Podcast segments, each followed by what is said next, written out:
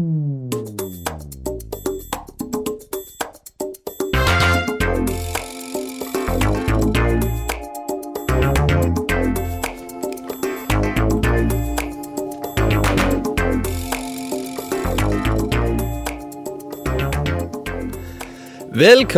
til TV-kanal.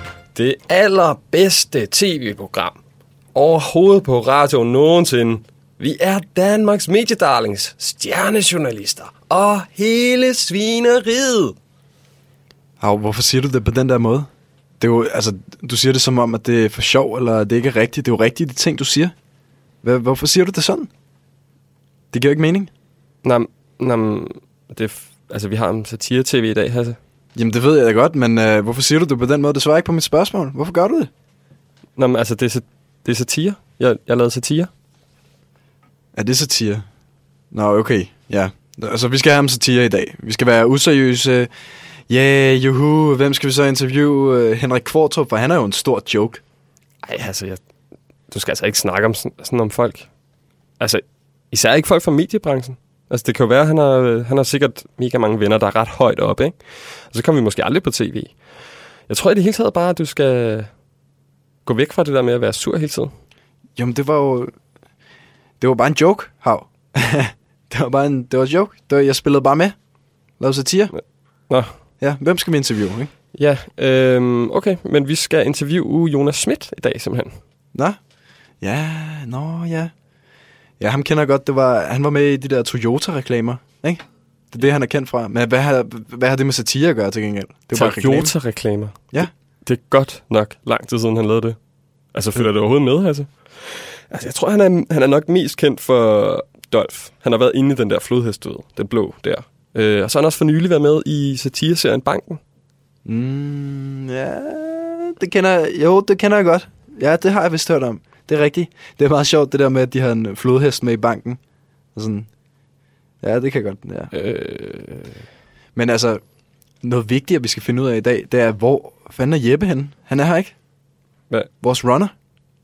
nå, altså Jeppe? Ja, hvor fanden er han blevet af? Øhm, det, ved jeg, det ved jeg sgu egentlig ikke. Altså, øh, hvad gør vi egentlig? Altså, det er jo ham, der står for... Det er ham, der står for, at programmet har et manus og sådan noget, at der kommer gæster i studiet, og lyden bliver optaget og sendt ud i radioen. Ja, ja, han er god til at supplere de ting, du lige sagde. Vi har brug for ham. Vi bliver nødt til at finde ham.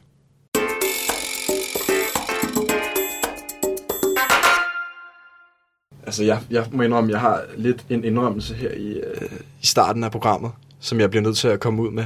Hvad? Øh, ja, Hvad så, Rasmus. øh, hvad så Hasse? Får vi, får, er det den der afsløring om det der rehab-center, du var på, eller hvad, hvad, hvad er det for noget? nej, nej, altså den kommer om et par dage, men jeg må Nå. indrømme, jeg, jeg forstår mig simpelthen ikke på humor. Hvad, hvad er det for noget? Da jeg startede her på tv-kanal, regnede jeg sgu ikke med, at det pludselig skulle være sjovt. Hvad, hvordan kan satire være dybdegående? Jamen, det kan det da sagtens, Hasse. Altså satire, det er jo sådan en slags parodi på, på livet i den virkelige verden. Altså, Ja, altså nu kan jeg jo godt lide parodier, og jeg er faktisk ret god til at lave dem, hvis, øh, hvis I vil høre en øh, her nu. nej, nej, nej, nej, nej. Det har, det, det har jeg ikke lyst til. Hasse, prøv, jeg var ikke lige helt færdig med at tale her. Øh, man, kan, altså, man kan få folk til at indse en hel masse fejl, og man kan få, få øje på nogle bestemte øh, ting i samfundet gennem satire. For eksempel, prøv at tage fat i den øh, korte radiovis med Kirsten Birgit, Schøtz-Krets og Hørsholm. Der, der tager hun, øh, de, de tager radioavisformatet, og så laver de det selv på en lidt mere overdrevet og lidt mere underholdende. Så blander de lidt humor ind i det. Ja. Og, og, og, og det er sjovt. Altså, ja. der er rigtig mange, der lytter til det, og måske så, Men- så kan det fungere som en eller anden slags øjenåbner, når Kirsten Birgit, hun øh, læser de her nyheder op på sådan en, en lidt mere nedladende måde over for, for, for politikere og, og, og sådan meningsstandere i samfundet. Men det er jo ikke, jamen, hvad mener du, det er jo ikke satire, det er jo ikke fake. Det er jo seriøse nyheder fra den eneste seriøse danske journalist. Ja, ja, det er okay. Det kan, det kan du så sige. Men øh, jeg er ret sikker på, at det er for sjov. Ja, men satire har jo altid eksisteret, og i hvert fald helt tilbage lige siden 1100-tallet. Nå, ja. Nej, men så kom den. Det historiske aspekt, som du altid trækker frem. 1100-tallet. Okay, hvad, hvad, hvad vil du sige med det? Kommer der et indslag? Hvad, hvor er du hen? Jamen altså, det synes jeg da egentlig, det er meget klart. Altså, jeg har nemlig arrangeret, at vi får en gæst i studiet.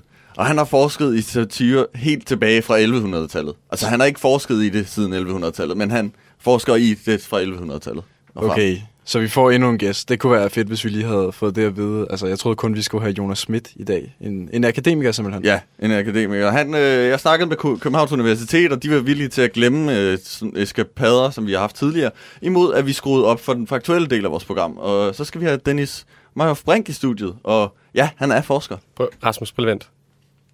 Altså, hvad er det her for noget? Jeg troede virkelig, jeg havde sagt til dig, at jeg gerne ville have mulighed for at forberede, bare muligheden for at forberede interviewspørgsmål, og sætte mig bare en lille smule ind i gæsterne, før de kommer. Jamen, hav, jeg kan, jeg, kan, ikke- jeg kan ikke altid gå og babysætte jer to. Altså, er det, er det blevet, mit, blevet mit job nu? I skal også blive udfordret lidt. Nej, okay, men altså, du kan ikke forvente, at jeg har sat mig ind i hans forskning, så. Nej, nej, men det har jo allerede sådan hentet lidt til, så jeg synes godt, du kan klare det der ud fra det. Vent, vent lidt, men vi har jo satire på tv. Er det ikke lidt langt fra satire på tv det sidste årtusind? Hvad, hvad sker der? Prøv nu at høre, Hasse. Satire, det er et menneskeligt grundvilkår, og han ved jo en hel masse om det. Kan du ikke bare køre med den? Altså, Jo, ja, okay. Så det kan betyde mere end bare underholdningssatire. Det kan være mere end det. Ja. Ja. Ja, mm. Altså. Ja, så man kan jo arbejde med sådan samfundsrelaterede emner, og så måske tage dem op og i sådan lidt underholdende format. Og så kan man måske give befolkningen lidt et, øh, et større indblik i, i det samfund og den kultur, de lever i. præcis, Hav. Det, du har sat dig ind i tingene. Det, det, det er sgu meget godt, det der. Så man kan kalde det en klog form for humor, eller hvad, hvad er det, vi er kommet frem til her nu? Det kan man godt sige. Det kan man godt sige. Ja, okay. Jamen, så kan det godt være, at jeg kan lide det.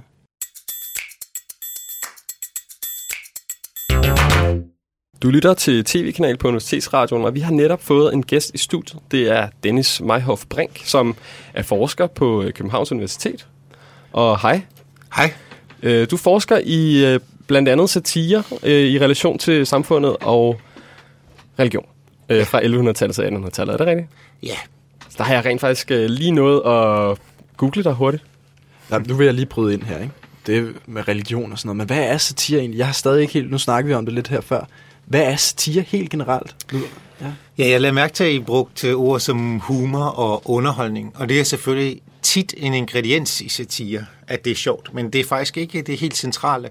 Altså normalt så siger man, at satire er et angreb på nogen eller noget, som man mener har gjort noget forkert. Altså det er grundlæggende en kritisk genre. Den svarer på nogen eller noget, der har gjort et eller andet, eller nogen, man synes er for opblæste, eller øh, hykleriske, eller bedrageriske, eller grådige, eller liderlige, eller lidt eller andet, og det udstiller man så og latterliggør. Nogle gange er det sjovt, som regel er det sjovt, øh, eller det sådan skal vække en eller anden form for latter, øh, men det er ikke sådan en godmodig, inkluderende latter. I England, der sagde man i 1700-tallet, at humor, det kommer jo af humør, altså, og det var at skabe godt humør øh, good humor, sagde man, ikke? det var det, der inkluderede alle. Men satire, det er noget, der spider øh, og angriber. Så det er nærmere noget, der splitter, end noget, der samler i virkeligheden. Er det så sådan, at man ikke nødvendigvis forstår det? Der, der er nogen, der, der står udenfor og kan tro, at det er dybt alvor, eller noget af den stil? Øh, ja, der findes en, en der findes, som regel kan man godt forstå, at det er satire, ikke? men der findes faktisk en række øh, lidt sjove eksempler på, at øh, folk har misforstået øh, satire. Øh, den engelske forfatter Jonathan Swift, ham som er kendt fra Gulliver's Travels, han skrev engang en øh, sådan en lille øh, essay om, hvordan man skulle løse fattigdoms- og sultproblemer i Irland. Og øh, efter han havde opregnet alle problemer med, fattige børn osv., så, videre, så foreslog han, at man jo kunne spise børnene.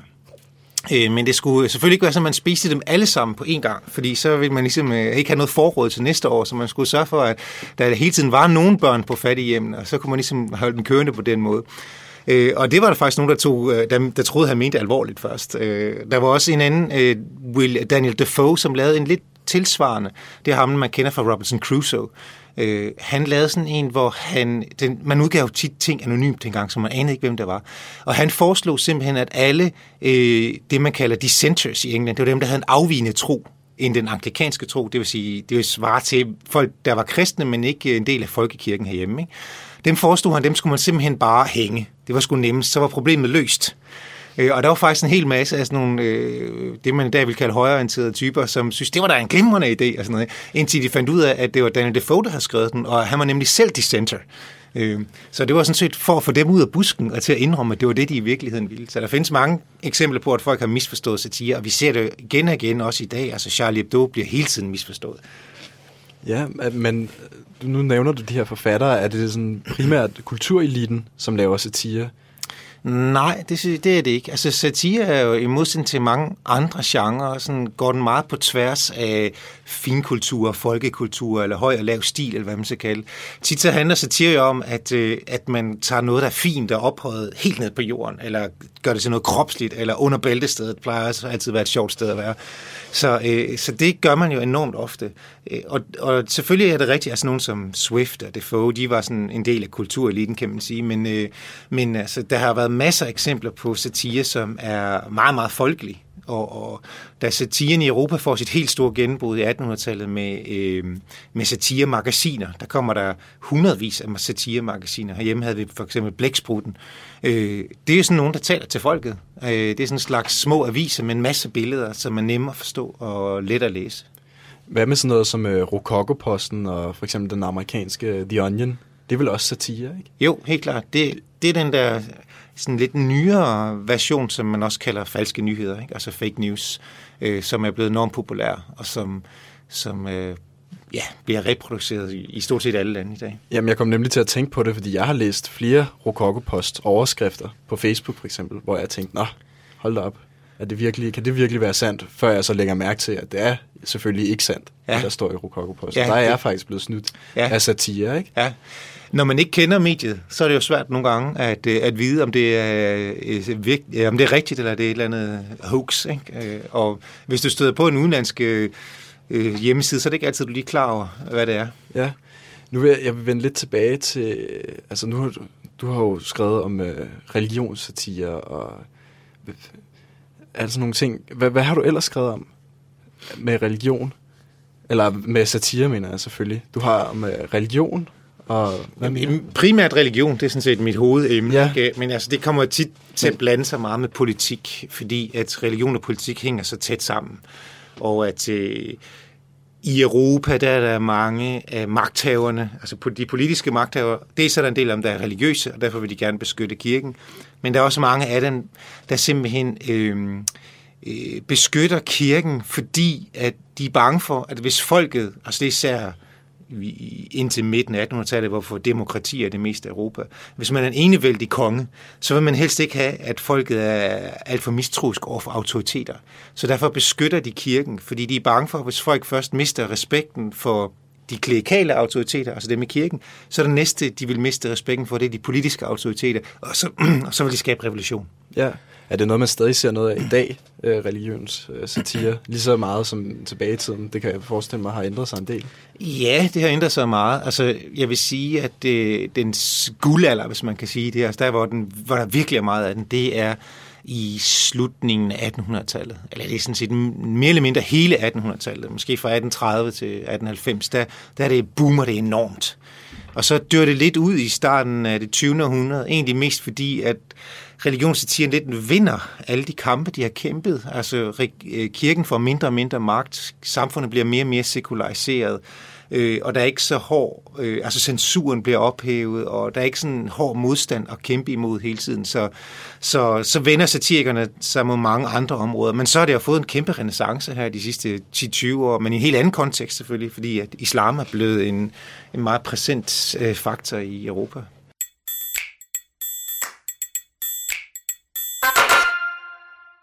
Vi snakkede jo lidt om øh, religionssatire her før, og den enevældige konge, og det vil jeg egentlig gerne vende tilbage til. Fordi at, øh, jeg synes da heller ikke, at man skal lave sjov med, med kirken overhovedet, eller den enevældige konge. Det er da, man, skal have, man skal være autoritetstro, og man skal have respekt for autoriteten. Så hvorfor øh, er det ikke... Hvorfor har det egentlig ændret sig? Det er da en dårlig ting. Ja, det er jo i hvert fald noget, der er meget karakteristisk for Europa. Øh, Jeg synes personligt, det er en rigtig god ting. Øh, Nå. Den tyske filosof Immanuel Kant sagde engang, at øh, oplysning, det bestod i, at man trådte ud af det, han kaldte den selvforskyldte umyndighed. Og umyndighed det er en tilstand, vi alle sammen bliver født i som små børn, hvor far eller mor tager os i hånden og fører os som en autoritet. Og det at blive et myndigt væsen, eller et oplydt væsen, det er at gå sin egne veje og stå på egne ben. Ikke blive ledt rundt af en autoritet, ligesom folk blev af præsten, eller som man bliver af kongen. Det tror jeg på er et mere sund livsform. Det synes jeg egentlig, det lyder egentlig ret, øh, det lyder ret godt. Altså, øh, kunne du måske komme mere ind på, øh, hvad det betyder for, for samfundet, så at man har sådan en satire, der, der er mere oplysende? Ja, altså satire indøver jo på en måde folk i, eller de lokker lidt folk til at se ned på autoriteter i virkeligheden. Altså utallige autoriteter er blevet udstillet som dyre, eller på en eller anden måde degraderende måder. Ikke? Men normalt, altså kirken eller en enevældig stat, indøver jo folk i at se op til autoriteterne, og der fungerer satire som sådan en slags modmiddel, der, modmiddel, der lærer os at se ned på autoriteterne. Og på den måde kommer autoriteterne mere ned i øjenhøjde med os selv, og det er kun der, at vi kan forholde os kritisk til dem. Men er det ikke... Øh, jeg synes, det lyder lidt som mobning, for at være helt ærlig. Hvor man simpelthen gør grin med folk øh, på en ja, nedladende måde, siger du. Og det der, det der ubehageligt, sådan noget skal vi da ikke have. Vi skal være ordentlige, fromme mennesker, som øh, tror på staten og, og kongen, for den sags skyld, eller prinskemalen, som vi har nu. Ja. altså, det, det, det er jeg også uenig med dig i, at det, det, man skal ikke bare klappe sammen og adlyde. Der er masser af god grund til kritik ofte. Og jeg mener ikke, det er mobning, at man kritiserer en autoritet. Øh, jeg mener, det er mobning, hvis man kritiserer nogle folk, der ikke har bedt om det. Men en autoritet er jo en, der udøver magt over dig. Det er en, der siger, at sådan skal samfundet indrette. Sådan skal du leve dit liv, uanset om en religiøs eller en politisk autoritet. Og når de gør det, så beder de om at få svar på tiltale. Jeg tror lidt faktisk, at øh, du måske tegner lidt en skyggeside pludselig, fordi du tegner alt det gode. Jeg tænker på, øh, det du ikke siger, det er, når, man, når satire lidt øh, går ud over øh, minoriteter, for eksempel. Kunne det, øh, hvad betyder det? Ja, der mener jeg godt, man kan tale om en form for mobning, eksempelvis. Øh, altså, hvis man, hvis man latterliggør et folk som sådan, Altså uanset om det sådan set er en minoritet eller en majoritet. Øh, det med, at man latterliggør et folk, det er også meget, meget få satirikere, der gør. De fleste satirikere er enige om, for eksempel, at man må gerne latterliggøre præsidenten, men præsidentens kone eller børn har jo ikke bedt om det. Altså, øh, de står, det er no-go, men stadig det er fair target, som man siger. Ikke? Altså, øh, og det mener jeg også er en væsentlig forskel. Men det, der er jo sket mange gange, øh, især i forbindelse med Mohammed-tegningerne slags, det er, at man siger, at når man latterliggør Mohammed, så latterliggør man alle muslimer. Det vil sige, at man skældner ikke mellem autoriteten, for Mohammed er en autoritet, der mener at vide, hvordan andre mennesker skal leve deres liv, og så den minoritet af folk, som, som øh, i hvert fald Danmark er en minoritet, ikke, som, som uh, tror på, at han er en, en profet. Og det synes jeg er en væsentlig forskel. Der er forskel på at latterliggøre Mohammed eller alle muslimer over en bred kamp. Jamen, kan man ikke sige, at autoriteterne er en minoritet, faktisk? Hvor mange, vi har der færre autoriteter, end vi har almindelige mennesker. Jo, det er rigtigt. Man kan sagtens sige, at de er en minoritet, hvis du udelukkende forstår autoriteter som, øh, eller minoritetsbegrebet som et øh, talmæssigt, øh, en talmæssig størrelse. Øh, øh, og i den forstand er de en minoritet. Men de er en ekstremt magtfuld minoritet. Og, og altså, de rigeste 2% i verden er også en minoritet, men de er stadigvæk en enorm magtfuld øh, minoritet. Og alle magtfulde øh, personer, autoriteter, minoriteter, whatever, de har, øh, dem er der god grund til at kritisere ofte, hvis de misbruger deres magt i hvert fald. Hvad med, hvad med så kongehuset for eksempel? Nu nævnte jeg prinskamalen. Han bliver jo ofte mobbet, synes jeg. Simpelthen, og gjort grin med uretfærdigt. Og han har jo sådan set ikke, eller man kan sige i hvert fald, dronningen har kongen? ikke bedt... Ja, øh, hvad det, de har jo ikke bedt om at blive drillet. De er jo bare blevet født ind i det her ja, privilegium. Altså, ja. dronningen har jo ikke bedt om at blive dronning. Nej, det er rigtigt. Og der, derfor mener jeg også, at det faktisk er lidt et, øh, øh, en særstilling, de har. Øh, fordi at de har netop ikke bedt om det. Og jeg synes egentlig også, at, at der ikke er nogen grund til... Altså, man siger som regel, at man tager ikke folk, der, der ikke ligesom på nogen måde har... Øh, altså, jeg udstiller ikke folk, der øh, tilfældigvis var et sted øh, i en satire. Jeg udsiger, øh, hvis, i, ved en demonstration for eksempel. Ikke? Så hvis jeg vil latterliggøre den, så skal jeg jo latterliggøre arrangørerne eller dem, der har trådt optrådt på en scene osv. Og det er egentlig lidt det samme med kongehuset. Altså, jeg synes, det er misforstået at udstille øh, kongehuset, så tror man udøver autoritetskritik. Det gør man ikke, fordi at øh, kongehuset reelt ikke har nogen autoritet. Nå, øh, de det, er en, det, det er en slags øh, reklamebyrå, kan man sige, ikke for, for Danmark, og så er der selvfølgelig mange, der forbinder det med en eller anden form for nationalitetsfølelse. Men det er ikke en autoritet. Det synes jeg, det er meget uenig med reklamebureau. Det var da lidt selv, endnu en gang lidt mobning. Du siger, at det ikke er helt i orden, men så gør du det lige selv. Det kan man da ikke. Altså, det der, nu har vi jo ikke demokrati i Danmark. Altså, det er jo det monarki, vi lever i. I hvert fald, det kan godt være, man kalder det konstituelt, men altså, de skal ind og spørge dronningen, om uh, det her er i orden. Og så kan hun sige ja eller nej. Det er hende, der bestemmer. Ikke? Jo, men det er ikke hende, der bestemmer, hvad hun skal spørge sig om. Så derfor har vi demokrati. Det skal folket bestemme om. Nå. Det er Folketinget. Ja. Så, så vi har reelt demokrati, og, og de har ikke nogen reel politisk magt i kongehuset. Mange tak, fordi du ville komme i studiet med os i dag, tak. Dennis. Det var, selvom at du selvfølgelig sagde en masse ting, jeg var meget uenig i, så, så var det hyggeligt at snakke med dig. I lige måde. Hvad, ja, det var sgu egentlig nogle ret interessante ting, han havde at sige. Synes ja, Dennis? ja, det synes jeg også. Ja. Altså, jeg, jeg synes faktisk, det var et rigtig godt interview, bortset fra alle Ja. ja. de øh, ja, sådan lidt fejlslagende forståelser, han havde om kongehuset og, og så videre. Altså, det var... øh, Ja, jeg, jeg tror, det er et eksempel på dårlig research. Ja, Ja, Jeg tror, det er et eksempel på, at øh, vi rent faktisk øh, lærer noget på øh, tv-kanalen.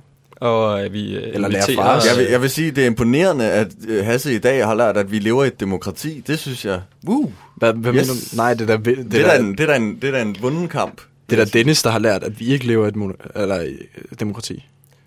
Lad os tage den på et andet tidspunkt, Hasse. Det, ja. Hvad- hvad- Det Jeg jeg, synes, det var meget interessant, at han snakkede om, at satire var sådan et spyd. At det ikke nødvendigvis skulle være sjovt. At det var, at det var, det var, det, var det, der splittede samfundet. Det, det synes jeg var... Men sa- samtidig samlede nogen mod de andre. Det var, det var Ja, meget det var sådan en kritik, ikke? Ja. Ja. Jeg synes, det var godt, vi kom frem til, at øh, man ikke skal lave satire på minoriteter, at øh, autoriteter er en minoritet, mm. og derfor skal man ikke lave satire på dem. Der tror jeg igen, du har misforstået, Hasse. Hvad Men- mener du med det? Men jeg synes noget, som du måske burde lære ud af det her, det var, at, øh, at øh, jeg forstår ikke helt, eller det er i hvert fald et spørgsmål til dig, jeg forstår ikke, hvor- hvorfor kan, øh, bryder du dig ikke om satire? Fordi, altså, det er jo det her kritiske, vi snakker om det er spyd, det er det kritiske, altså, du elsker dybtegående kritik. Hvorfor kan du ikke lide satire? Det skal jo være alvorligt, ikke? Det skal ja. gå dybdegående til værks. Men Det skal altså, være i dybt humoren alvorligt. ligger det alvorlige vel også, eller i satiren især, ligger der jo også noget i, i, alvorligt. Ja, men det synes og jeg også de andre lidt, ned vi på vores frem niveau, til. eller hive folk op på dit niveau, eller ned på dit niveau, eller... Det der, det der er brandalvorligt. Guys, øh, har I, altså, har Jeppe, han er stadigvæk ikke øh, vendt tilbage. Altså, ja, nu har jeg også prøvet at skrive en sms til ham. Okay, men du har ikke ringet til ham. Du skal sgu da ringe til ham. Det, er- det er meget Nå, men- hurtigere. Jamen, jeg vil ikke rigtig presse mig på. Sådan, det er lidt, det synes jeg er lidt grænseoverskridende, ikke? Tror du, han er skrevet på grund af, at han blev sur sidste program? Tror du, det er det? At, øh, jeg, jeg tror, det er din skyld, Hav. Fordi at du var så sur på quiz, Ah. og var så uprofessionel. Nej, det tror jeg altså ikke, altså. Mig og Jeppe, vi er faktisk, øh, vi er faktisk blevet ret gode, øh, vi er blevet ret, sådan, ret gode venner. Ja. Hvorfor ringede du så ikke til ham, hvis I blev ret gode venner? Men altså, jeg, tror du, det er, fordi vi snød med det der interview med Kategorina, som ikke var Kategorina, som i virkeligheden var Sofie, Sofie Buk, vores øh, reporterpige og tidligere vokspapige, som er med i hver program? Tror du, det er det?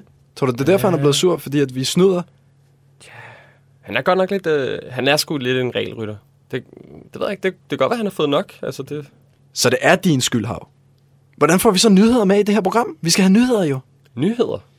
Øh, altså, jamen, altså, Jeppe er her jo ikke. Jamen, altså jeg kan mærke, at vi skal have nogle nyheder. Det er det, det, det, er det alvorlige i det her program, ikke? Nu har vi om satire, vi skal have noget alvorligt. Vi skal have Det nogle kan vi nyheder. jo ikke. Altså, tænker du, vi bare skal lave dem selv så, eller hvad? Ja, vi skal sætte nyheder på lige med det samme. Vi skal have jinglen nu.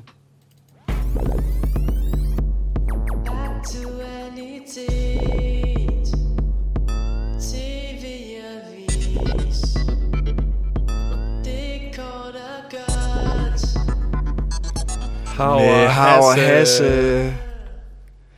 Øhm, ja, kom med nyheder.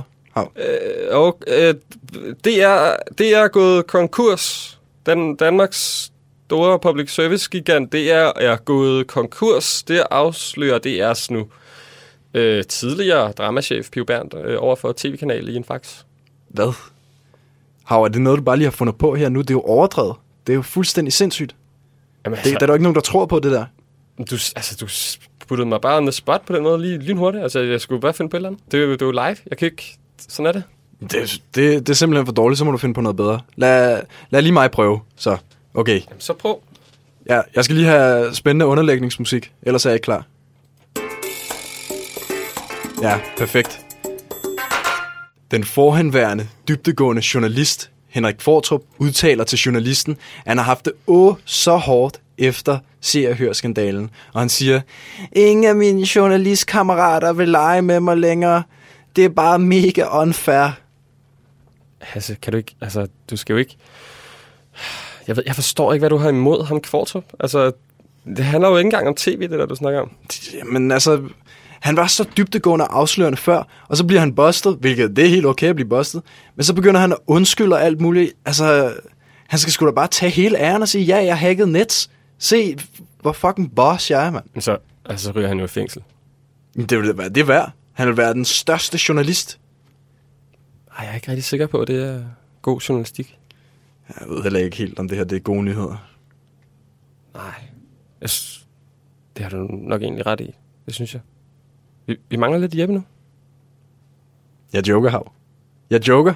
Det var bare satirenyheder, vi lavede. Det var meningen, at de skulle være dårlige. Det var bare for sjov. Det var bare en joke. Øh, ja. Nå, okay. Men ja.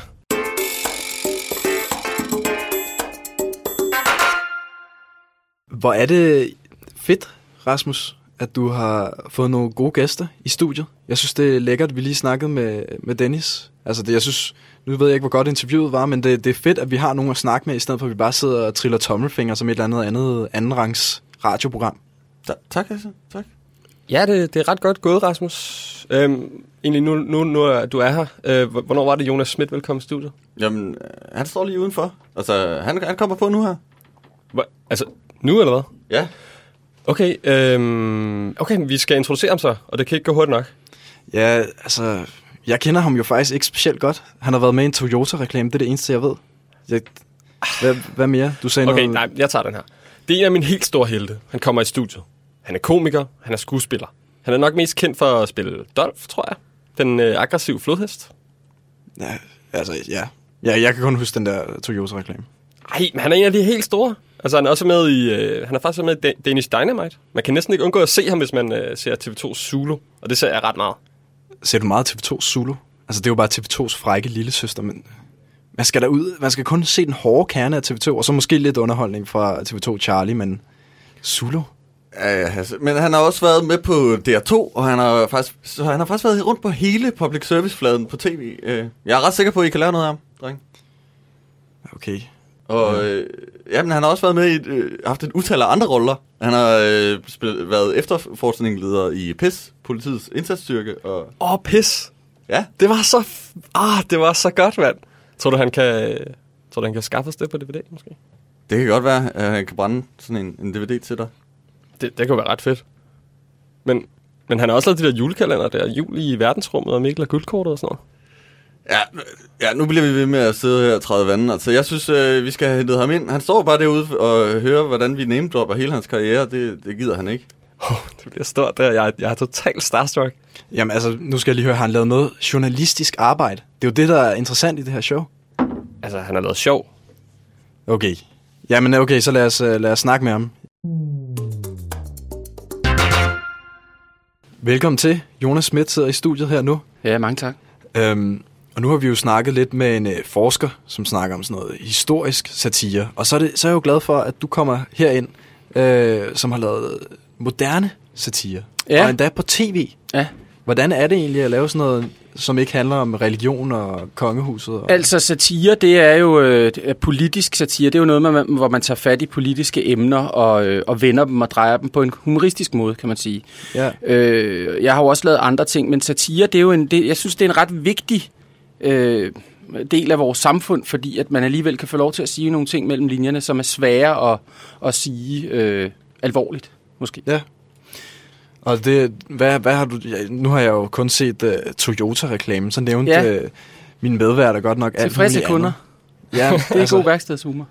Det er, fra, det er outtakes fra Toyota-reklamen. Ja, Men jeg Ja. siger det ikke mere, fordi at jeg, jeg tjener ikke penge mere på Toyota-reklamer, så jeg bruger det slet ikke. men du har lige sagt det nu her i radioen. Jeg, det er rigtigt, jeg kom lige til at sige det. Det var, det var, det var dumt. Ja. Hvordan Det er virkelig dumt. Og jeg kører slet ikke Toyota mere heller, faktisk. Nå, okay. Nå, nu jeg trækker kører, du lidt i land. Jeg kører Volvo. Jeg skulle lige til at spørge dig Nej, nu går jeg du ind og, og, og går imod det, jeg har sagt, for at knuse den reklame, jeg lavede. Ja, Og Volvo har jeg heller ikke nogen aftale med. okay. Det... Ja, det ved jeg nu ikke helt. Men Nej. hvad, hvad, hedder det, hvad kan du godt lide at lave satire? Eller kan du Ja, bedst lide at kan, lave jeg kan, reklamer? nej, jeg kan, jeg kan, Jeg kan rigtig godt lide at lave... Øh, jeg kan bedst lide at spille roller, kan man sige.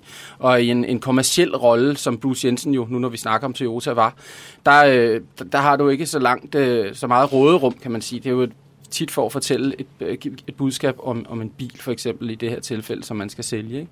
Ikke? Øh, hvis man spiller en rolle i noget, der ikke er kommercielt, så er det jo en historie om mennesker, man vil fortælle for det meste, eller en historie om noget spændende. Det vil jeg hellere.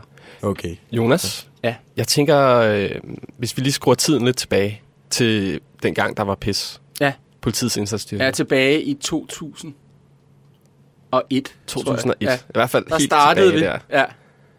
Hvorfor hedder du din karakter i den serie? Hvad hedder den? Jamen, han hedder John Smith, Han hedder John Smith. ja. Okay. og jeg hedder Jonas Smith. Det, og staves, det staves på samme måde efternavnet Smith. Hvorfor? Jamen, det er nemlig meget sjovt. Altså, det er fedt, du spørger. Det er jo altid dejligt at kunne fortælle sådan nogle... Øh, fordi han hed faktisk ikke John Smith, han hed John Jensen i rigtig lang tid. Og så da, de, da, da jeg fik manuskriptet første gang, så var navnet ændret til John Smith igennem hele, øh, som en lille... Hej, se Jonas. Han hedder næsten det samme som dig. Og jeg tror, at det var jo Simon Bunde fra Gamse Spektrum og Michael Spooner, min, mine øh, gode venner, som, som, øh, som jeg lavede det med, og jeg, jeg, jeg, jeg ved faktisk ikke 100% hvorfor de har gjort det, men jeg kunne forestille mig, at det var noget med at give rollen noget mere af mig, simpelthen, sådan, så jeg havde en eller anden, et rigtigt bånd med John. Er det sådan, når du spiller roller, at du bruger dig selv rigtig meget, for eksempel satire? det, det er, meget lidt dig? forskelligt, synes jeg. Lige med John Smith, der brugte jeg meget af, af mig selv, tror jeg, af sådan et, et, et legebarn. John er jo en lille dreng, og vi har jo alle sammen en lille dreng, og så ham kan man skrue op og ned for. Men den der, det der med at lege røver og soldater, det, er jo en det var jo en politiserie, og John han var indsatsleder i politiets indsatsstyrke. Og, øh, og, og, og det synes jeg var altså, rigtig sjovt at spille den rolle. Også fordi, at John, han er jo, jeg vil ikke kalde ham dum, men han er naiv og jovial, og, øh, og har bare sådan nogle egenskaber, som er rigtig sjove, synes jeg.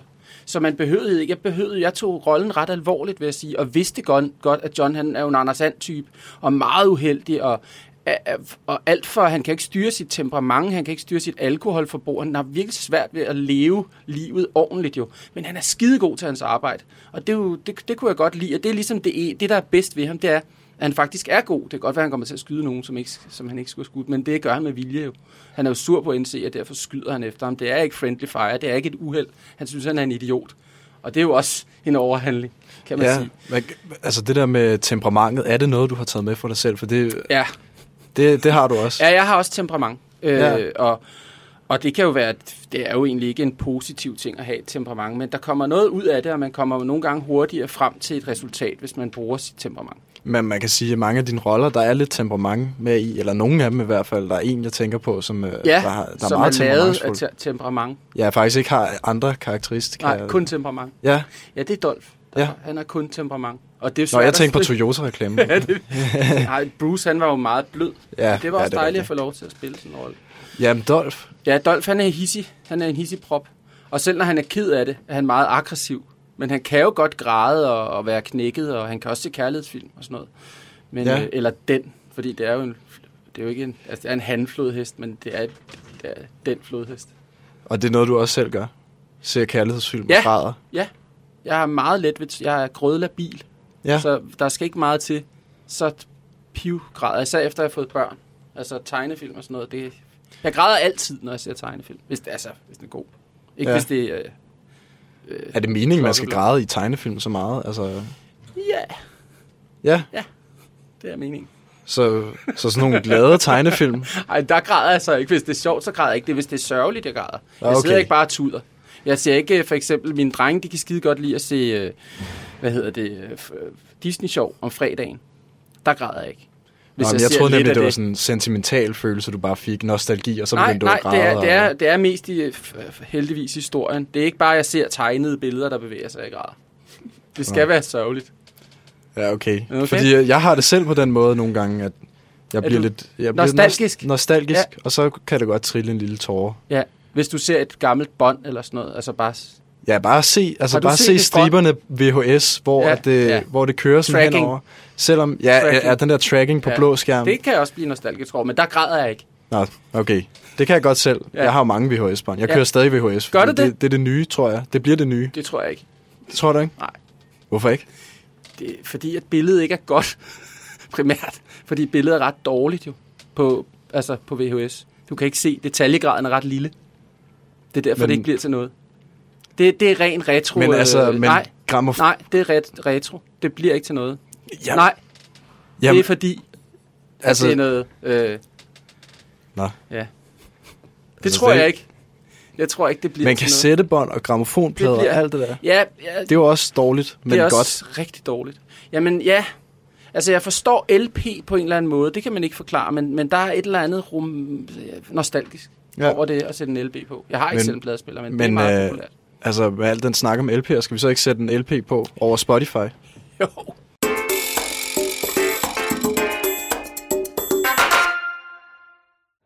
Ja, vi har stadig Jonas Schmidt i studiet, og Jonas, vi sad lige og snakkede om, mens der var en sang her. Fuck you up. Vi, fuck you up, Born to fuck you up, ja. Ja. Der sad vi lige og snakkede om, øh, det var sgu lidt tid siden, du egentlig havde lavet noget, øh, så meget satire, altså ud over banken selvfølgelig. ja, som ikke er så lang tid siden. Ja, Øh, ja, ja, ja, jamen det er, ja, ja, med det mener jeg faktisk det der med, at der måske ikke er så meget øh, plads til den der underspillede humor, som det er jo lidt nichehumor, det er jeg godt klar over. Det er ikke sådan in your face. Det kan være svært at gennemskue øh, vidtigheden nogle gange, fordi der ikke er nogen. Altså, der er ikke nogen punchlines. Øh, jeg bryder mig egentlig ikke så meget om det. Jeg kan godt lide, at man kan mærke, hvad der er sjovt, men der behøver nødvendigvis ikke være sådan en... Nu kom det sjove. Øh, det er situationskomik, jeg synes er sjovt. Og det synes jeg bare egentlig, er, der er ikke så meget af det. Øh, og jeg synes også, det, det, den er svær at sælge ind. Altså det der med at, at gå ned i en rolle og lave en karakter, som man egentlig tror på, som er morsom. Hvis vi laver det i Danmark, så er det meget fjollet. Altså det bliver... Øh, det bliver... Det, det er fordi, det, jeg tror, man synes, det er farligt måske, og, og der ikke er seere nok. men er det noget, der har ændret sig, eller har det altid været sådan? Øh, jeg ved ikke, jeg tror, ironien og sarkasmen, den er blevet mindre, end den har været. Altså, man kalder det jo også øh, 90'er ironi, øh, fordi at det, det var sådan, man var sjov i 90'erne. Og det siger måske også noget om, at jeg er ved at blive en ældre mand Nå, på 42. jeg synes, det siger mere om, at vi er begyndt at simpelthen sigte efter laveste fællesnævner. Det, det er jeg glad for, at du siger. Altså, fordi at hvis jeg siger det, så vil jeg lyde bitter. Øh, og det er jeg egentlig ikke, fordi jeg er jo glad, fordi at jeg stadigvæk kan leve af at både lave komik og spille skuespil og ja, være sjov på forskellige måder. Fordi jeg kan godt lide humor, og jeg synes, at det er sjovt at arbejde med humor. Jeg synes egentlig, at man kan komme ind under øh, både psykologien og også ja, den politiske satire på en anden måde via humor, end bare sidde og være, have en politisk øh, holdning, altså, øh, som jo også kan være rigtig godt. Men altså, hvis nu, det du, jeg lidt hører, er, at øh, hvis nu vi gik ind på DR og sagde, vi har det nye satireshow. På DR. Ja, Ikke DR2 eller jo DR2. jo, altså på DR2 Ja. ja. nok. Ja, eller Så vil DR2. de simpelthen sige, nej, det gider vi ikke, vi skal have noget let humor. Vi skal have noget Ja, jeg fald vil på halen. sige, at DR har faktisk været gode til det. Altså, banken var jo også en, en, en chance, og det var også meget underspillet. Øh, men det er jo simpelthen svært. Det er jo nemt at forklare, fordi vi er omkring 5 millioner i Danmark, så, så altså niche-ting har det svært i Danmark, fordi vi ikke er så mange mennesker jo, kan man sige. Og det er ærgerligt. Men jeg har jo heller ikke holdt op med at arbejde med det, og det er jo stadigvæk det, jeg selv synes er sjovest. Øh, så jeg tror bare, det er sværere at sælge øh, end, end noget, der umiddelbart, hvor du kan læse det komiske med det samme. For det kan man jo ikke i det underspillet. Jonas, når du snakker underspillet, er det så sådan noget som The Office for eksempel? Ja, det er et rigtig godt øh, bud. Øh, og, og The Office er jo også mockumentary, altså dokumentar, der ikke er rigtigt. En, en falsk dokumentar, hvor vi leger, at et tv-hold øh, hold følger nogle mennesker. Ligesom PIS også var. Men det, jeg gerne vil lidt komme ind på, det er, hvad, hvad gør vi, hvis vi skal til at lave satire? Vi skal jo lave satire-tv. Vi skal lave tv, og du siger, det, det er svært. Nu er du en af Ja. altså, gutterne, Ja. så du har jo nok lidt lettere ved at sælge det. Hvordan sælger vi vores satire i dag? Jamen, jeg tror altså, hvis man vil lave noget, øh, så er det selvfølgelig vigtigt at tro selv på det, øh, ligesom I gør med jeres radio. Altså, I kan også bare blive ved med at lave radio. Det der jo, radio er utrolig populært jo. Det har jo ja. Aldrig været mere populært. Altså, folk kan godt lide at høre radio hele tiden. Der kan du selv se, Hav. Du sagde, at radio var et døende medie. Det er, Det er det overhovedet det. ikke. Nej, men Kan det, vi citere dig for det? Det må jeg godt. altså det jeg sagde var, at dem, der lytter til radio, de var døende. Nej, det var dem, der så lykkehjulet, og de er døde nu. De var uddøende, dengang lykkehjulet kørte med Bengt Burg. Ja, Og de er døde nu. Alle sammen. ja, De er nede under jorden. De findes ikke mere. Ja. Det er der ingen, der kan huske. Nej. For mig. Det er lidt, ja, det er lidt underligt, for jeg mindes at have set lykkehjulet. Ja. Du har faktisk også set lykkehjulet. Jeg har faktisk lavet det. Er du levende død? Nej, jeg har lavet det. Jeg har arbejdet på det. Jeg lavede lys. Okay. okay. Har du mødt kategorien? Ja, ja, ja. Jeg lavede lykkehjulet nummer 3000. Der lavede jeg lys på det alene. Var det sådan, du startede? Øh, ja, nej, jeg startede som bud ude på Nordisk Film okay. I 96. Der var jeg bud. Internt bud hed det, hvor du står for øh, rundbringning af breve og tager telefoner. Hvis der ikke lige var en telefondame, så kunne jeg godt sidde og sige, Nordisk Film og TV, hvad kan jeg hjælpe dig med? okay. Og så stillede jeg, så skal du lade være med at afbryde. Når det er et spændende anekdote. Øh, det, ved du hvad, jeg må Så- godt... Clemen Kærsgaard, han afbryder. Jeg han det? afbryder. Okay. Ja. Nå, det må du godt. Men øh, hvad det hedder, det jeg kom fra, det var, at så stillede man om. Der var ikke uh, mobil til over, det tror jeg faktisk, der var. Men ikke så meget, så man havde stadigvæk fast net, ja. kan jeg fortælle. Det er sjovt, du kommer med alle de der... Øh, Ja, ja, ja. Mange gamle ting. historier. Jamen, det er fordi, at de er jo yngre end mig, så jeg tænker også, at jeg kan lære jer rigtig meget om, hvordan ting er og sådan noget. Ikke? Ja. Kan du ikke fortælle mig lidt om, hvordan, øh, hvordan gjorde man i gamle dage, da der ikke var pakkebokse? Altså, hvor der var sådan bokse, hvor man kunne hente sine pakker. Hvad gjorde man så? Eller posthus dengang? Der, Der var, ikke posthus, der var posthus. Så i Post. stedet Har der for- været det på et tidspunkt? Ja, der var kun posthus. Det har der altid været i Danmark. Det er der jo ikke længere. Jo, Hvor? øhm, på... Der er masser. Nej, men de er jo fjernet. Det er jo kun... Ikke alle sammen. Men det er rigtigt, der er flere postbokser nu. Og så i Irma Ja. og andre steder. Hvad gjorde man? Før der Hvor- gik du på posthuset, så var der nogle post, der var posthus lige hernede i nærheden, Ja. hvor, I, hvor vi er nu. Jeg forstår det simpelthen ikke. Altså, nu er jeg jo for øh, en nyere verden, Ja, så jeg forstår det ikke. Hvad gjorde man før mobiltelefon? så ringede du bare på fastnettelefonen. Hvad er det? Det ved jeg ikke, hvad. Det er, det er derhjemme, hvor du boede, der havde man en telefon med drej, sådan en drejeskive, som talte, hvor mange numre, der ligesom sådan drejede den. Det er en lang historie. Hvor mange Så- numre drejede den så? Der var en fra 0 til 9. Og så hvis du havde et nummer, telefonnummer 35, 37, 21, 44 eller sådan noget, så drejede man 3, så talte den, talte den 3, 5, 5 gange. Og det tog 100 år at ringe, ringe op. Og dengang der hed det bare 01, og så kom der et nummer, ikke? Op Ja. til 09, tror jeg. Og, og du var lidt telefondame på et tidspunkt. Ja, jeg var, øh, jeg, nej, jeg var internt bud på Nordisk Film. Øh, Jeg startede i 96. Og så, øh, så, når der ikke var noget at lave, jeg var det eneste bud, der var internt, så det hed Runner, ellers de kørte i biler i varevogne, Toyota Hiace. Øh, så der var jeg recep- så var jeg receptionist og tog telefonen. Det var mest piger, der tog telefonen. Telefondamer. Det kunne være, at vi skulle, øh, vi skulle starte med det, egentlig. Altså, det er jo måske en meget god Hvor måde at starte sit øh, TV, øh, Altså, jeg er jo, tv-karriere. jeg er jo 21. Jeg, jeg er 26. I kan sagtens starte som bud nu. Men I skal til at skynde jer. Men øh, det, hvordan, jeg, vil, jeg ved ikke, om jeg gider være bud, for Nej. at være helt ærlig. Hvordan kom du videre fra det? Hvordan er du så endt her i dag Jamen, i øh, øhm, jamen, tv-kanal, så- Universitetsradio? Så blev jeg jo, øh, hvad hedder det, jeg blev faktisk runner og fik lov til at køre Toyota Hiace og tog kørekort, det havde jeg nemlig ikke. Så tog jeg det og kørte øh, Toyota Hiace'en. Ja, jeg er stadig i tvivl om det der med Toyota-reklamen, om han er stadig betalt. Det er, jeg- det er jeg ikke. Og så, blev jeg, øh, så fik jeg job i lysafdelingen Okay. og lavede lykkehjulet. Og så ret hurtigt fandt jeg ud af, at det var, det var ikke lige mig. Men øh, jeg kunne godt lide at lave sjov, så jeg blev faktisk publikumsopvarmer på Nordisk Ah, ja. Og der lavede jeg så lykkehjulet som opvarmer, hvor man lavede vidighed og holdt gang i publikum, fordi de var gamle.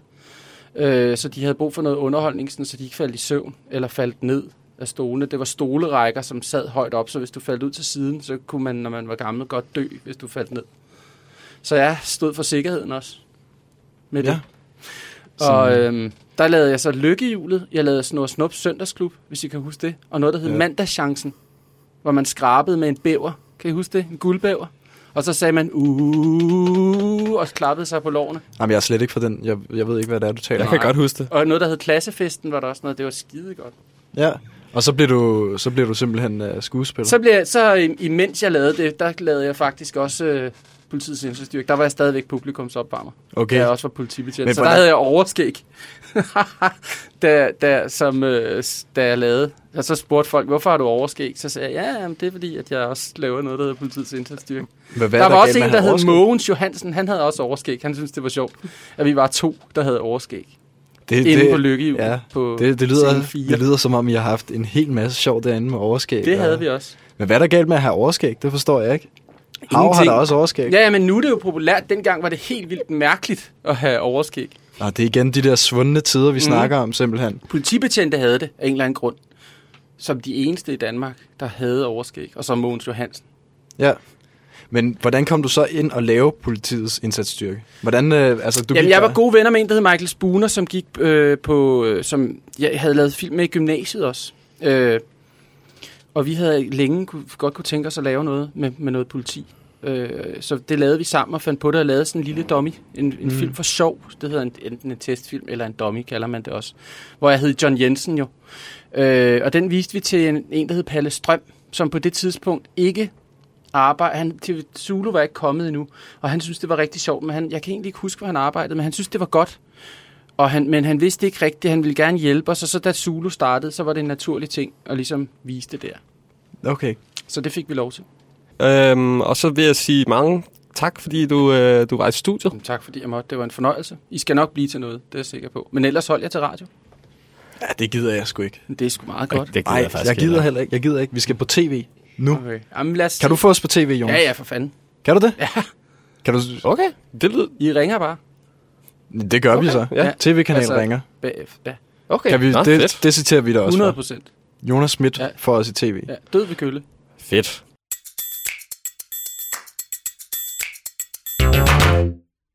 Jeg, jeg ved ikke helt, hvad jeg skal forstå af det her interview. Jeg forst- altså, det var alle mul- vi var alle mulige retninger, og skal vi være... Vi skal åbenbart med på lykkehjulet. Ja, jeg, det var også noget, vi kunne også være bud. Ja, Nej, vent lige lidt. Jeg vil tilbage til lykkehjulet. Så quiz var godt sidste gang, Hav. Der kan du selv se. Nej. Ja, vi skal ikke lave quiz. Jeg har, øh, apropos bud, jeg har ringet til TV2, og jeg har aftalt, at øh, I har fået to stillinger hos, som buddrengen. hos Som TV2. buddrenge. Ja, de har ikke mere fax-system derovre. Øh, så de skal bruge nogle bud, og blandt andet snakke i telefon, og lave nogle breve og sådan noget. Eller Det er jo, det er jo ud i gamle dage. Det, det, som Jonas han også snakkede om, det var, at det så er sådan, man gjorde i gamle dage. Det synes jeg ikke er en god idé. Jeg har skaffet skal- jobbet til jer. Nej, ja. Jo. Er, er det sådan noget, hvor man kan have sådan en løbehjul ned ad gangene og sådan noget? Fordi der er langt. Nej, det er lufthavnen. Nå. Ja. Men hvad så? Skal vi så flytte til Odense? Ja, eller pendle. Så kan I tage i løbehjulet, hvis I vil. Jamen, kan det ikke være på lorry? Odense, Odense er fandme for langt ude på landet til mig. Så det gider du ikke. Nej, Nu får du chancen her. jamen det er jo jeg, ikke jeg så tv. en chance, og jeg er jeres producer og instruktør, og så tænker jeg, vi skal, vi skal, vi skal have Hav og Hasse. De skal lave tv nu. Og så har jeg skaffet jer budvejen ind. Det vil I ikke have. Det er jo det gamle. Det synes jeg ikke, vi skal... Vi hyper os selv med radio, og så laver vi tv bagefter. Direkte på tv. Okay. Ligesom øh, alle andre Nå, store. Så, skal, så, så, så, så vil I starte lykkehjulet igen. Er, er det så det, vi får ud af det her interview? Så ringer jeg til Opvarmer. TV2. Fluffer. Opvarmer, kalder vi det. Okay. Ikke? Så skal I have overskæg eller hvad? Ja, men det, jeg må indrømme, altså jeg har lidt en indrømmelse. Jamen, det er meget sjovt, alt det satire. Men øh, nu sagde Rasmus jo tidligere, at satire var en form for parodi, og jeg synes faktisk ikke rigtigt, vi har haft noget som helst parodi her. Altså, der er også det, er jo, det er jo også en form for... Jeg sagde ikke, det var parodi. Jeg sagde, det var humor, og det var... Det, altså, Jamen, jeg synes, vi skal have nogle parodier. Jeg havde regnet med, at Jonas havde lavet en parodi. Og altså...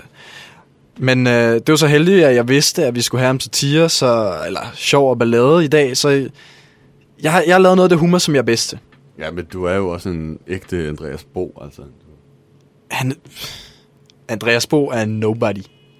Nu skal vi høre noget rigtig parodi, satire, sjov. Som I nok ved, er jeg ikke bare overdrevet talentfuld journalist. Man kunne kalde mig dybtegående, genial, et nybrud i dansk journalistik, eksperimenterende, udforskende, perfekt, virkelig god, eller en redefinition af genren, ham så forøget standarden til det dobbelte, men man kan også kalde mig parodiist. Nu er jeg jo ikke øh, 100% en humor man, men jeg har nogle tricks i ærmet, som for eksempel... Øh, God eftermiddag og velkommen til nyhederne. Og ja, det var så ikke lige uh, Jesdorf Petersen, der var i studiet der. Det var bare mig. Ja, det er bare for vildt, så troede man lige, Jes Dorf var i studiet. Men så Simon Juhl her sgu også. Jeg gør bare grin med alt. Hvad kalder man en grønlænder i Danmark? Hjemløs alkoholiker med børnebidrag uden sans for journalistik. Simon, den joke var totalt over bæltestedet. Sådan noget skal vi ikke have på tv-kanalen. Faktisk har danskerne behandlet grønlænderne som nogle svin, og vi burde nærmere skamme os over at lege en anden General Coster. Ja, det har du helt ret i, Hasse.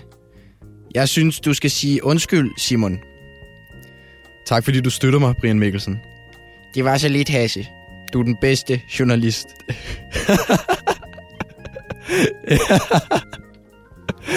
Ah.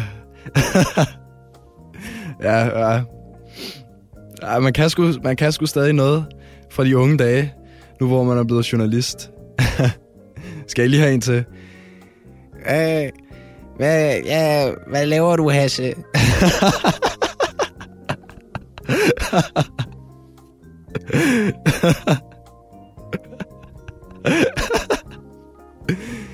Ah. Ja, ja. ja.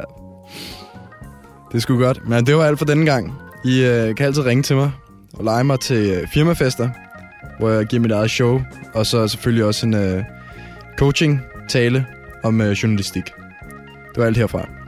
Farvel. Det var spændende. Ja. Må, jeg, må, jeg høre, øh, må jeg høre, den sidste stemme, den havde jeg måske lidt svært ved at placere. Hvad? Ja, Jo. du nævnte ikke lige, hvem den sidste, øh, du pauderede der var. Det er Helle Thorning. Det er sgu da let at høre. Nå. Altså, hvad, hvad mener du? Altså, du Nu må du lige... Det er Okay, nok. må jeg prøve at høre din Helle Thorning så? Må jeg lige prøve den? Jeg skal lige, jeg skal lige høre den igen. Okay, er du klar? Ja. Øh, nu skal vi... Nu skal vi gøre noget bedre for Danmark. Vi er en minimalstat. Ja, Ja, var det ikke... Øh, der, der, der snød du så lige Rasmus, ikke? Fordi det var jo så, øh, det var jo så en Anders Fogh. Kan, Hvad, hvad kan, mener du? Ja, ja, lavede du ikke Anders Fogh? Nej, Helle Thorning. Det var det, han bed mig. kunne bad du ikke mig høre det. Helle Thorning? Det var da fint, altså... Altså, øh, øh, Anders Fogh ville jo heller ikke være kritisk til en minimalstat. Jeg synes, det er, det er god humor, det der. Ja, det er også en af mine øh, stoltheder. Altså, jeg både kan være sjov og kan lave noget dybdegående journalistisk arbejde. Jeg synes faktisk, vi skulle have haft om øh, parodi-tv i stedet for satire-tv i dag. Vi burde næsten bare have lavet et helt program, hvor du snakkede med forskellige mennesker. Prøv at lave en hav. Kan du lave en hav? Ja, Prøv at lave en sagtens. hav, ja. Ej, Hasse, det har jeg ikke lyst til. Det tør jeg ikke. Det, det er farligt. Det må man ikke. Oh, hvis jeg hørte det i radioen, ville jeg være i tvivl om, om det var hav, eller, eller dig, der sagde det der. Nu ja. Ja. kan jeg se, det er din mund, der bestem- bevæger sig, ikke hav, der sidder derovre og ser sur ud, men hold da op. Det er Ja. imponerende. Det er jo godt, at, øh, at Ja. Hasse kan underholde sig selv lidt, øh, så vi andre ikke behøver at øh, passe på ham.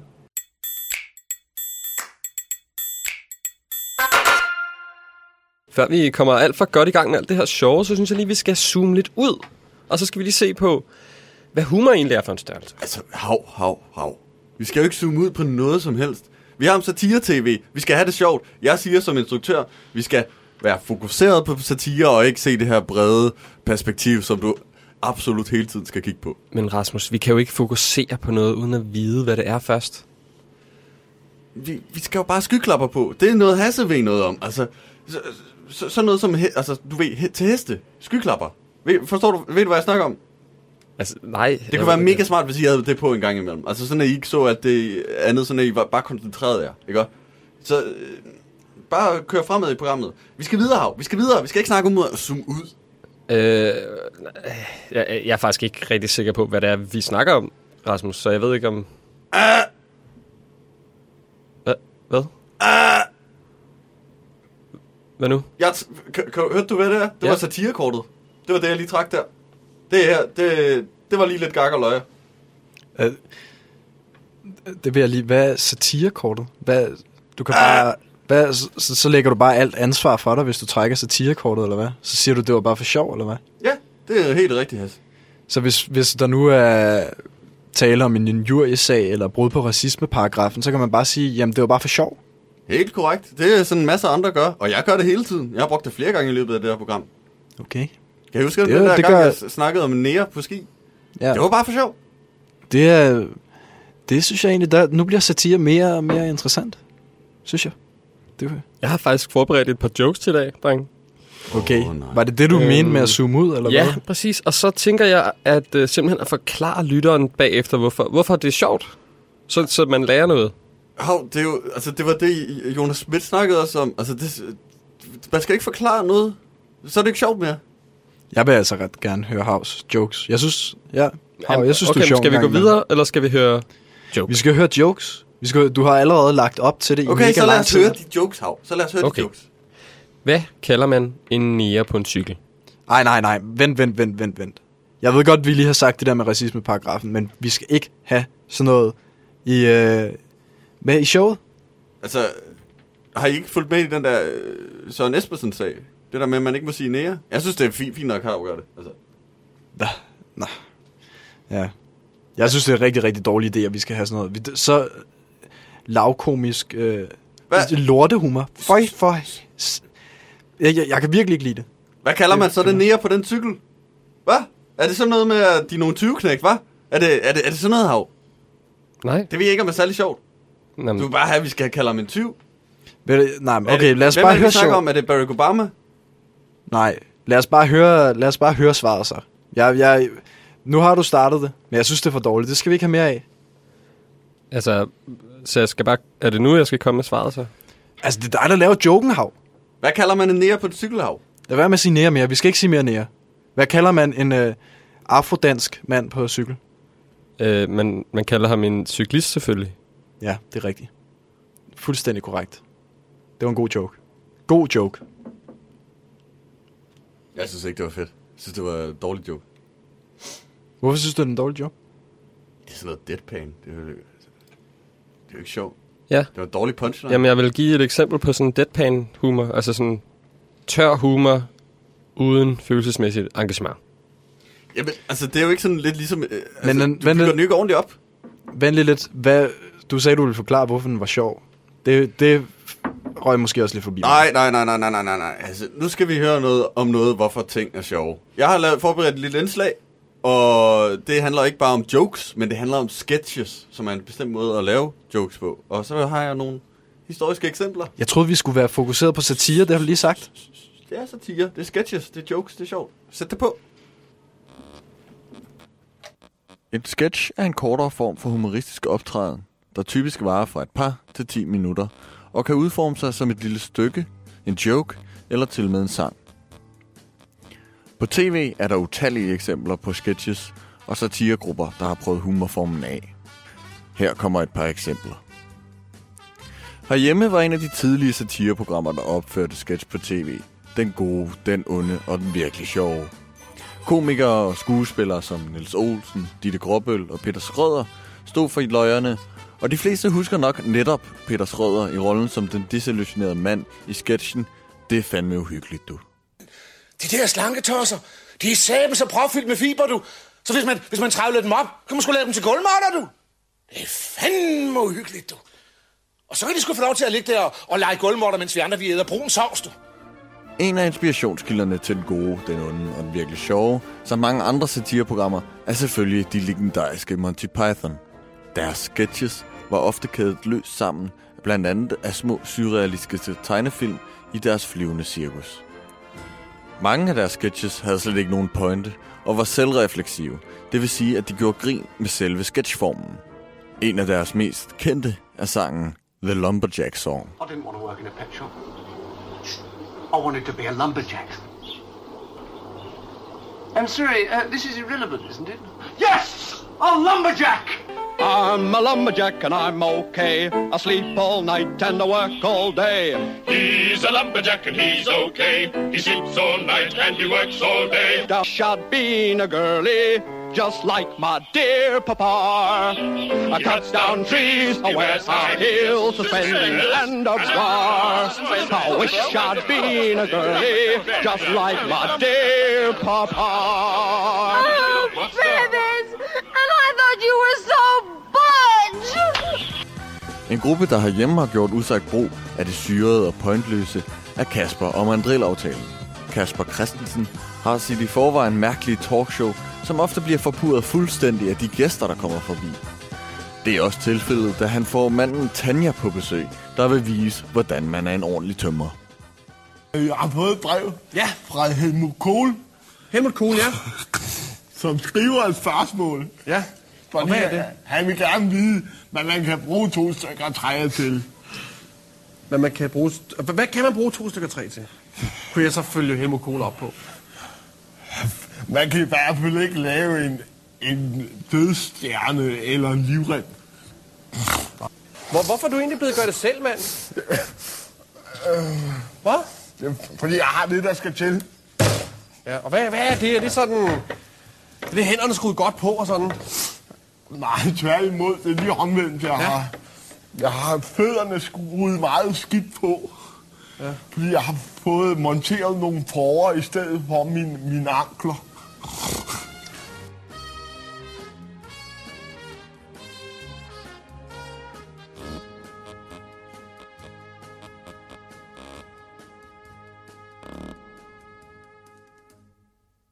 Wow, Ras. Hvad synes I om det lille indslag? Det var da rigtig godt, men altså, du, vi har allerede haft en øh, historisk, et historisk perspektiv. Jeg ved ikke... Hvordan? Hvornår? Det havde vi jo en Det gæst med VHS? tidligere. Vi havde en gæst Da vi snakkede om Og pakke- med- postbud og Ja, vi har faktisk haft alt for meget historie. Vi skal, det skal være nyt nu. Det var dig, der sagde, at vi skulle zoome ud. Ja, men det er for at snakke om, hvad humor var nu. Um, det, det, jeg gerne vil lige ind på, det var, det var ikke for sjov. Det var jo bare... Så var der lige et indslag fra en anden øh, tv-show, hvor man lærte om tømmer og sådan håndværk. Ja. Det var ikke... Jeg troede, vi havde om satire igen, siger jeg. Altså, det var bare en mand, en tømrer, der fortalte. En helt normal tømrer. Der hed Tanja. Ja, som blev interviewet af Kasper Christensen. Og, og fortalte om, hvordan man gjorde Og havde porre som fødder. Eller som ben. som ankler. Ankler, ja. Ja. Det ser du ikke. Hvad? Jeg synes bare, vi skal køre videre herfra. Kunne det ikke være, kunne det ikke være ret fedt, hvis vi lavede telefonfis? Altså, det gør de da altid på P3, gør de ikke? Altså, det er vildt sjovt. Så snakker de med nogen, der ikke ved, de, hvad, hvad noget, noget som helst går ud på.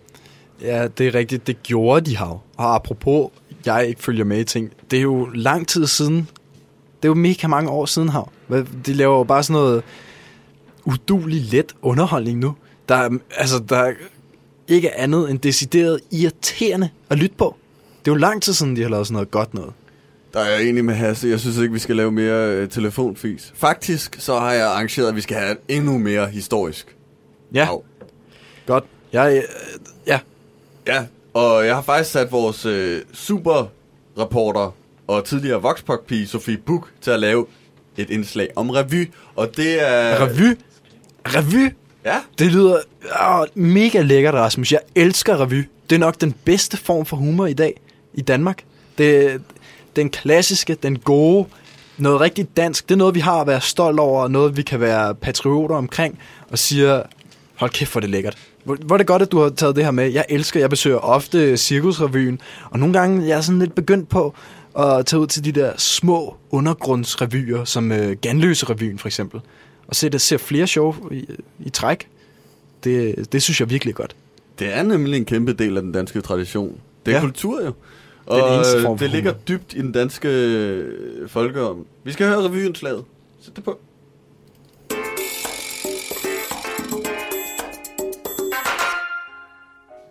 Revy er ikke bare space og løjer. Det er dansk kulturarv. Hele startede nytårsaften 1849, hvor Erik Bøg opsatte den første danske revy på Casino i København. Den bestod af en række selvstændige numre, som var løskædet sammen af en gennemgående figur. Jens fra Treårskrigen, dansk udenrigspolitik og den typiske rigsdagspolitiker. På den måde snodede Erik Bøg allerede den første revyaften de strenge, der kom til at udgøre revyens DNA. At være aktuelt teater med det formål at fornøje. Men det betød også, at revyen, dens humor og udtryk, må følge med tiden og være noget levende, der konstant flytter sig, for netop at tage udgangspunkt i sin samtid. Genren blev hurtigt populær og udviklede sig over det næste århundrede. Gradvist forsvandt rammehistorien, og tilbage var numrene, som ikke indbyrdes behøvede at have noget med hinanden at gøre. I hvor I danser godt alle sammen. Hey! Hey! Hey, hey! Åh, det er den ene fod, der må vi iværksætte en lille eftersøgning. Sød, lille fod gået hjemmefra i fladtrådt sindstilstand. Besked gives til nærmeste politistation under elmene. Lad være. Ah, ja, se den politistation. Vi spoler frem til 1960'erne, hvor radio og tv begynder at lave revyprogrammer. Det gør, at revyen hurtigt løber tør for temaer, og begynder derfor at blive mere musikalsk, men også mere samfundskritisk. Sommeren er varm. Så bare krummer. En klog bemærkning. Skål, du. Men det er der et makkerpar, som laver om på.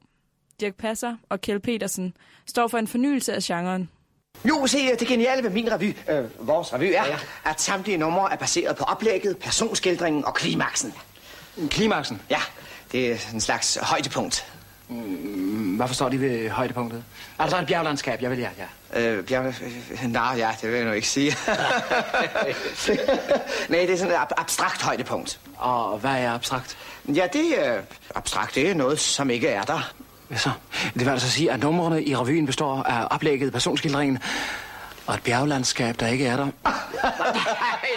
Med deres enestående kemi dyrker de det vanvittige og gakkede, uden at der behøver at være nogen mening med galskaben. Og så kan man spille hele sketchen en gang til. det er sgu morsomt. Et skred, der altså greb den gamle danske revytradition i kraven og ruskede godt til. Det satte sit præg på revygenren, som stadig blomstrer, både i de lokale teatre, på tv med Live fra Bremen som eksempel, og i Cirkusrevyen, hvor du skal være hurtig på billetnet for at kunne grine med Lisbeth Dahl. I mig igen, jeg skulle ellers have holdt fri. Men så tænkte jeg på den landesorg, der ville blive. Og Ulf Pilgaard. Kokken er fra Anholdt, og de er hermed forseret til forret med en avocado. Hvis ikke de fjerter frivægtige med på Tjula Hopgården, så må jeg knæppe træklen. Og idømme dem tre gange okker, gokker, gummi, rokker, ærle, snærle. Kan du fatte det, perle?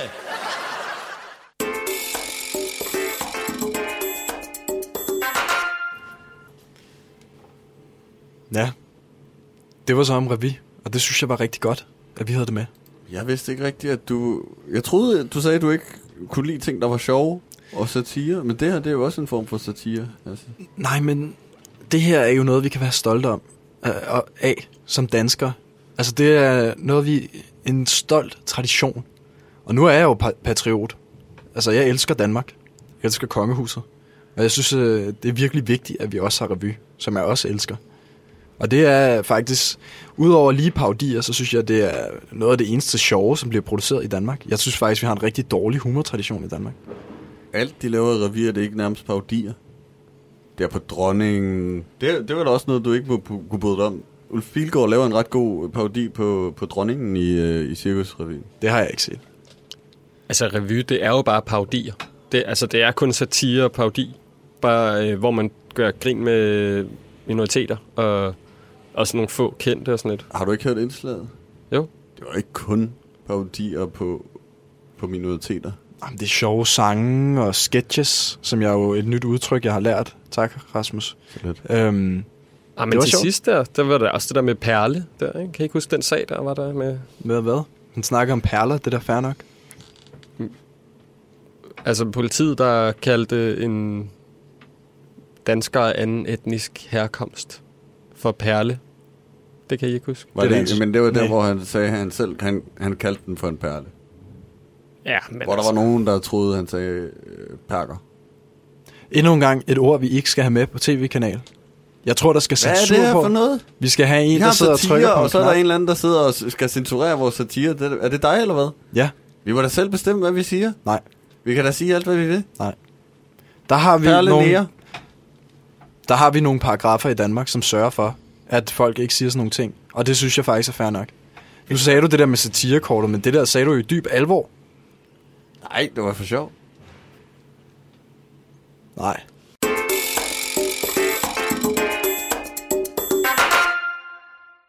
Hey, jeg har lige, øh, der er lige kommet en fax ind, og jeg kan se her... Den... På fax, så har jeg, får jeg, øh, øh, jeg har noget at sige bag. Øh, bare fortsæt, jeg har noget at sige. Ja, men jeg, Hvorfor afbryder jeg skal så, hvis lige vil øh, kigge, hvem, bagefter? hvem der har sendt det. Hvorfor? Det er, det er fra Jeppe. Lad os høre det, Rasmus. Øh, det er fra Jeppe, prøv, hørte du? Nå, jeg hørte det ikke. Hvad, hvad, har du, hvad, hvad sker der? Jo, at Jeppe har sendt en fax. Nå. Nå? Vores... Øh, runner? Altså vores runner. Ja. Øh, jeg ved ikke, om, om jeg skal læse det op, eller om... Øh... Hvad er det? Læs det nu bare. Er det en mail? Nej, altså det er en fax. Okay. Øh, det kære Hasse og resten af redaktionen på TV-kanal. Jeg ved godt, at det ikke altid har været let. Jeg har haft store ambitioner i min tid hos TV-kanal. Men jeg føler, at jeg nu som Key Research Manager Assistant... Altså, han, det er jo gået ham over hovedet der. Nå, øh, han er nået til et punkt, hvor TV-kanal ikke længere er et program, jeg kan være med til. Nå. Øh, kan vi ikke få Hasse til at læse det op med en Jeppes stemme? Jo, ved du hvad, det synes jeg er en rigtig god idé. Det synes jeg er en fantastisk idé. Det, altså, det kan vi, det kan Fordi vi vel jeg har godt. faktisk øh, øvet mig Øh, lidt på en? Jeppe-parodi, har som jeg vil vise ham i dag, men så er han bare åbenbart ikke med. Hvad, hvor kom vi til? Kan du ikke bare starte der med, at jeg har prøvet alt? Nå. Det var det, jeg var nødt til. Nå, ja, okay. Jeg har prøvet alt. Jeg har lavet min egen jingle. Overdynget jer med breaking historier hver eneste uge. Lavet nyhedsquiz. Og sågar også mit eget nyhedsprogram. Men alligevel har jeg ikke mødt den positive feedback, som jeg ellers havde håbet på. Og i særdeleshed ikke fra dig, Hasse. Hvad fanden? Jeg har følt mig, eller jeg har følt, at du ikke har brugt dig om mine kreative inputs velkommen, til trods for, at jeg har villet det bedste for tv-kanal og jeres show. Ja, nu begynder han at ramble, kan jeg høre. Ikke et ondt ord om showet og tv-kanal, som det radio nybrud det er. Men jeg må erkende, at jeg ikke har været stærk nok til et sådan benhårdt projekt, der det har givet mig, der ikke har givet mig meget plads til en ekstra autør på sidelinjen. Ikke at jeg nu skal afsløre, ikke at jeg nu skal til at afsløre jer har over Hasse her for åben mikrofon, men de metoder I, og særligt du, Hasse, bruger i arbejdsgangen på redaktionen, burde uden tvivl blive finkæmmet af menneskerettighedsdomstolen. Hvad?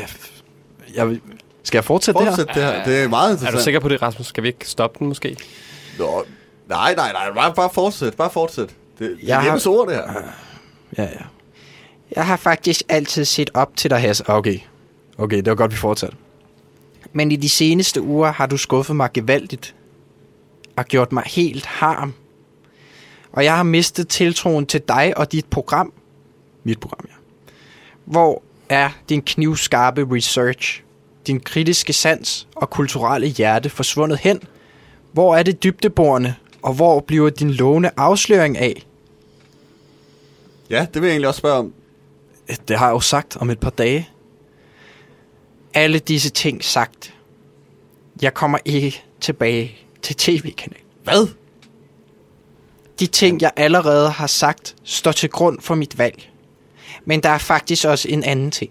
En ting, som jeg ikke har fået sagt i frygt for jeres fordømmelser og min egen dårlige samvittighed over for tv-kanal. Men her kommer det. Jeg er netop blevet far. Det er ikke noget, jeg vil drage jer ind i. Hvad? De allernådigste hilsner. Jeres allesammens Key Research Manager Ja, Assistant ja, vi behøver ikke høre mere. Vi behøver Runner. Det er så underskrevet i Jeppe. Vidste han, at det var satire i dag? Det er Men meget det, sjovt. det var jo, ved du hvad, jeg synes, jeg står ved, hvad jeg sagde. Det var Havs skyld, at han forlod programmet. Jeg forstår ikke, hvorfor... Er, er det Hav, der har gjort ham far? Han er blevet far. Har I ikke, altså, hvorfor har han ikke sagt det til nogen af os? Øh, Jeg vidste ikke... Uh, Jeg troede, det var dig, der var tæt på ham. Men det var jeg da også. Jeg, jeg forstår det ikke. Jeg forstår intet i det der brev. Jeg forstår det simpelthen ikke. Jeg kunne slet ikke, selvom jeg lavede Jeppes stemme perfekt, så kunne jeg ikke forstå det. Men ved du hvad, vi skal heller ikke bruge tid på sådan nogle... Hvis han vil gå for tv-kanal, så fuck ham. Jeg ringer til ham. Apropos at ringe, jeg har lige fået et opkald. Ja. Øh, Nå, hvad- jeg er lige der, da du tog telefonen. Ja, ja, ja, ja. Det er... Um, Hvad nu? Det der budjob. Ja, på TV2, der, Ja, I, det skal kan, vi... I kan ikke få det alligevel. Hvad? Nej. Hvad? Øh, Nej, jeg, det, der det, det, kan det, de kan ikke trække det tilbage sådan der lige pludselig. Nej, men der, er, der, er, der er en bedre mand til stillingen åbenbart. Hvad? Henrik Kortrup har fået jobbet. Hvad? Henrik Han sagde, han kunne, Kvartrup. arbejde, han sagde, han kunne arbejde for to, og så har han nu bare fået det der budjob hos TV2. Men han kan jo ikke en skid andet end at pive. han Hvad har sker sit, der? Han, han har sit eget løbehjul, altså der var ikke noget, de kunne stille op.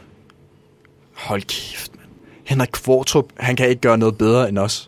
Vi ja. Laver det mest dybtegående journalist. Han sidder bare og sladrer på det, vi taler om på Radio 24 og de er fandme også de eneste, der vil røre ved ham. Åbenbart også, øh, øh, hvad hedder det, den der anden kanal end DR. TV2? Ja, som er i Odense og alt muligt. Føj for satan, Jeg troede ikke, du ville have det job alligevel. Så Men så giver det det til Henrik Kvartrup. Jeg, det, det var bare at spille kostbar. Det er sådan en taktik, man kører, når man skal have en, øh, et, et job, jo. Jeg synes, jeg synes, det er lidt ærgerligt, at vi får sat noget i stilling. Vi, vi, vi, vi, vi får muligheden, I sagde begge to klart nej og så, det, så, kan jeg bliver, give- så trækker du tippet væk under os. Jeg synes ikke, det er fair. Jeg synes ikke, det er en ordentlig måde at agere på. Og det vil jeg gerne bebrejde dig for, Rasmus. Så nu når Jeppe er, her- ikke er her mere, så, så, så er det mig, der får alle bebrejdelserne og alle, øh, al skylden. Ja, Ved du hvad, nu kommer der ikke- endnu en Der går ikke mange dage før, at Nej, jeg, hvad? jeg får sådan et afskedsbrev, og så må du sidde med den stemme igen. Det er så fint nok. Den stemme, jeg laver da din stemme, jeg laver ikke. Jeg lavede Jeppes stemme her nu.